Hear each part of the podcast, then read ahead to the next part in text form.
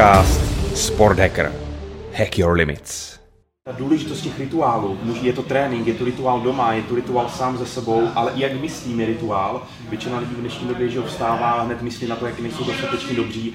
A teď vidí ty sociální bubliny a to je taky bohužel rituál. To je, naj, rituál? to je najhoršie na tom, že naozaj tieto sociálne siete to sú droga.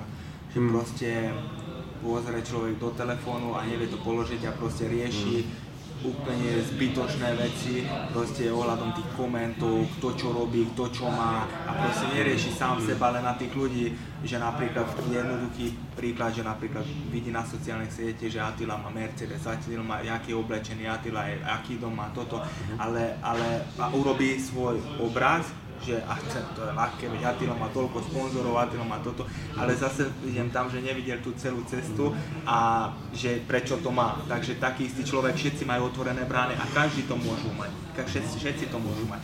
Môj rituál je úplne jednoduchý, ja každý večer si pred spaním si zamodlím a idem spinkať kľudne a ráno sa zobudím a už fungujem ďalej. Takže nemáme aj nejaké extrémne rituály ale hovorím, že to bez toho by som sa keď nezaspím, keď neza, nezamodlím. To je pre mňa gro od detstva.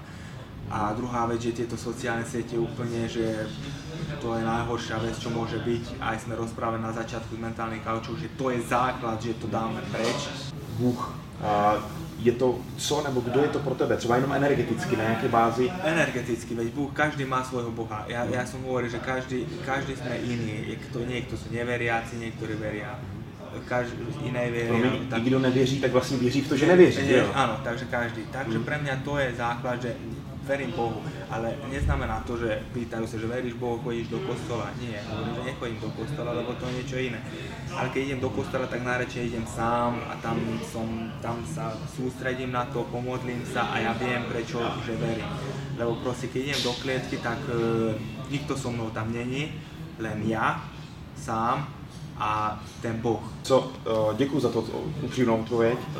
Co vztah s lidma jsme probrali, ale co vztah sám za sebou, protože to je jsme podle mě jedna z klíčových věcí. V dnešní době si málo kdo dělá čas sám na sebe, protože i v té kleci, pokud chci být ve flow, uvolněný, tak vlastně musím Atilku nechat bojovat, nesmím mu do toho kecat, protože mysl je omezená a musím v úzovkách být sám sebou. Jak je pro tebe důležité, jako třeba trénuješ čas sám za sebou? Chodíš na kávičky, nebo uh, do lesa, nebo tady ja som, po tréninku? Jasne, ja, ja najviac, najväčšiu re, relax by som povedal, že keď som doma s manželkou a lahneme si a pozeráme si nejaký film, alebo keď idem na ryby, alebo keď som s tým najbližšími mm-hmm. kamarátmi, ale na, na ryby to je dobrý príklad, lebo keď som bol, mal, mal som ten zápas, tak naozaj celý týždeň som makal a cez víkend len som sa vypol takto, že keď som išiel na ryby a kúkal som na ulici a nič ma mm-hmm proste nevyrušovala len tá, tá udica, som sústredil a na všetko som zabudol. A vlastne viac menej ja som taký veselý človek a potrebujem mať okolo seba dobrú energiu a robiť tú energiu proste. Ja som ten typ človeka, že idem do gymu, tak všetci sú usmiatí, keď je tréning, tak je vážnota a potom po tréningu zase všetci usmiatí. Takže ja potrebujem naozaj mať okolo seba e, šťastných, spokojných ľudí, jak som ja a proste to je naj, najvzácnejšie pre mňa. Mimo jiné se stáváme průměrem pěti lidí, s kterými se nejčastěji setkáváme, takže jde vidět, že ty to máš vlastně zmáklý. Proto seš tam, kde seš, mimo jiné, a tohle je i schopnost těch nejlepších nejenom sportovců. Obklupuju se těma lidma, že ten můj mindset no, má zvyk nějak, nějak fungovat, nějak přemýšlet, což je, což je jenom potvrzuješ to vlastně, jak to je. A já musím říct, že i v rámci toho rozhovoru, tak dělal jsem jich pár, ale cítím velmi dobrou energii z tebe, normální. A to je právě ta normálnost, jasne, že jsi sám sebou. To je základ, jasne, ešte jedna vec, že som sa nikdy nehral na nič, že že som nejaký, som majster sveta, ale že som majster sveta a preto som aj na začiatku rozhovory som hovoril, že vlastne ja som viem, že odkiaľ prišiel a každý človek sme rovnaký, každý máme dve ruky, dve nohy. Spolupracuju s vrcholovými sportovci z celého světa, z různých uh, oborů, ale já jsem si díval na první svůj zápas, přiznám se, jak bojoval s Carlosem. Fakt? A mě, mě znatchnul hlavně svojí osobností. Já jsem do čtyř do rána si potom vyhledával tebe jako člověka, mě ne tolik jako nezajímal ten výsledek, ale ty jako člověk, protože šla z tebe mozecká energie. A už chci dělat několik let bojový umění, jiu-jitsu a nějak se k tomu dostat, ale řekl jsem si, mi bylo poradit, začni s boxem, tam ty nohy. Takže jsem začal i boxovat možná i na poput tady tohohle, a dát tam trošku ten mužský element. Co ten mužský element? Protože já třeba pracuji hodně s emocema s lidma. Hodně přednáším s klientama a je to hodně ženský element pořád. Teď se mi narodila holčička nedávno, a ten, ten bojový sport cítím, že to je ten mužský element, kde ten chlap se vybije a potom je tím mužem. Jak je to pro tebe důležité? Jak to vidíš ty? No je to pre mňa brutálne dôležitá vec, ale aj to, že ta, tak berem, že ja som taký nekonfliktný typ človeka, čo môžem povedať, že som sa nebil na ulici nikdy v živote, ani som nemal žiadny konflikt. Ale proste ja to mám v hlave usporiadané, vysporiadané, usporiadané, že proste ja to berem jak šport, jak robota a proste keď som na tréningu, keď sme máme sparingy, tak viem sa prepnúť z 0 na 100 originál, ale po tréningu podám si ruku, objímem sa s tým mojim súperom a ideme ďalej. Proste ja to mám v hlave dobre usporiadané, že je to šport, je moja robota, je to tréning, takže dvaja pripravení chlapci sa bojujeme medzi sebou a potom koniec, finito, dáme si pivečko alebo takto, takže aj takisto som mal súperov, nikdy som nerobil nejaké treštolky, nikdy som nebol nejaký povyšenecký alebo takto, a vlastne keď idem do klietky, tak sa zase sa premením na to, čo som sa robil a tam nech sa ukážem, čo som trénoval. Chápeš, že proste mm. nie, že, že aj stále hovorím aj mojim verencom, že dojdete na tréning, musíte tu makať drej a nemôžete sa nikdy pobiť v škole, na diskotéke, vonku, lebo keď to počujem, tak ste vylúčení z gymu a sem nepatríte. Mm. Lebo proste keď chceš byť frajer, tak musíš byť frajer, kde môžeš byť frajer a to je klietka. Keď povieš, že si pripravený, ja ti vybavím zápas a môžeš, tam, môžeš sa tam ukázať seberovným súperom a keď vyhráš, tak budeš mať motiváciu, aby si išiel ďalej, keď prehráš, tak budeš mať motiváciu, aby si vyhrával. Takže aby, aby tí ľudia takto pochopili, že naozaj to je bojový šport, naozaj to není, že dvaja len sa mlácia, dvaja sa bijú, lebo som sa už viackrát vyjadril, že futbal je horší šport napríklad na zranenie jak MMA, lebo zezadu ťa kopňu a, a nevíš asi zranený. Tu sme obidvaja pripravení a vieme, do čeho ideme.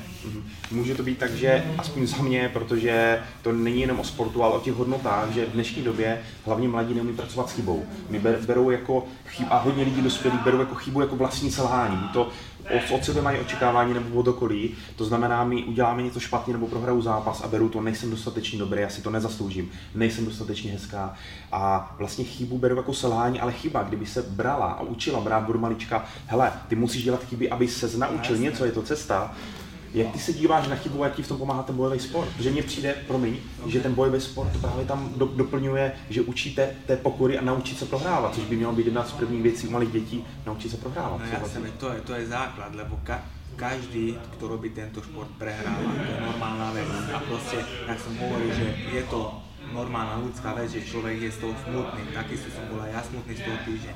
A potom musí zamysleť a musí ísť ďalej, musí ísť, že, že to vie urobiť a musí stále ísť ďalej. Nemôžeš tam sedieť a buď v smutku mesiac, dva rok, že ja a čo. Lebo tým pádom si stratený a tak čo, není o čom debatovať. Mohl bys lehce něco i prozradit v rámci tréninku a, a no, toho vlastne uh, hľadom okolností, že na ten zápas storočia som sa chystal na airbike asi 3 mesiace. Každý boží deň mal som kondičný tréning ranný.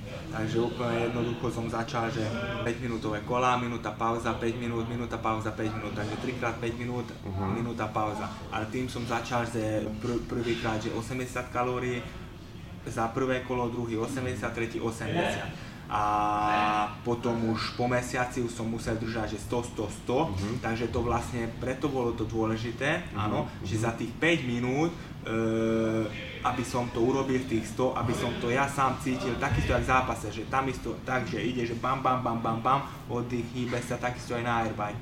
Dáš tam veľkú intenzitu, bam, bam, bam, 20 sekúnd, 40 sekúnd ideš voľnejšie, ale tie kalórie ti musia fungovať a stále tie čísla ti išli, takže sám som na to došiel, že jaká je tá najlepšia metóda, eh, aby som za tých 5 minút získal tých 100 kalórií. Takže mne to bolo, že 40 sekúnd som išiel voľno a 20 naplno a 5 krát to presne vyšlo 100 kalórií. Takže takisto som snažil aj pri sparingoch, že boxoval som, hrajkal som a 20 sekúnd bam, bam, bam, bam, bam, dal som a zase 40 som oddychol, vydýchal som sa, aby som mal energiu na tých ďalších 20 sekúnd. Takže takto som to úplne, som to využil a pre, pri tej poslednej fáze už som používal hypoxid mask, čo som mal že 4000 metrov na dvorskej výške Mhm, a tam som musel držať tých 100 kalórií a to bolo už zabíjať. To už bolo, že človek toto nevyskúšal, tak to, to môže povedať, aj čo to Je je. to totální masakr. No to je brutál. Atilo, já ti strašně moc děkuji, že jsi našel čas, fakt si Děkuji, toho strašně moc vážím. Ďakujem ja. A pokud poslední věc by ti nevadilo tím, jak jsem ti říkal, že jsem začal trošku boxovat. A já trošku cítím, že energeticky teď by bylo, pokud bys chtěl mi aspoň poradit, říct nějakou věc, nějakou, já bych to nazval Atilovku. Co třeba na začátku já jsem začal, jo. A je tam něco, co teď tě napadá, hele, začni tímto, třeba direktem, nebo dávej takovejhle direkt.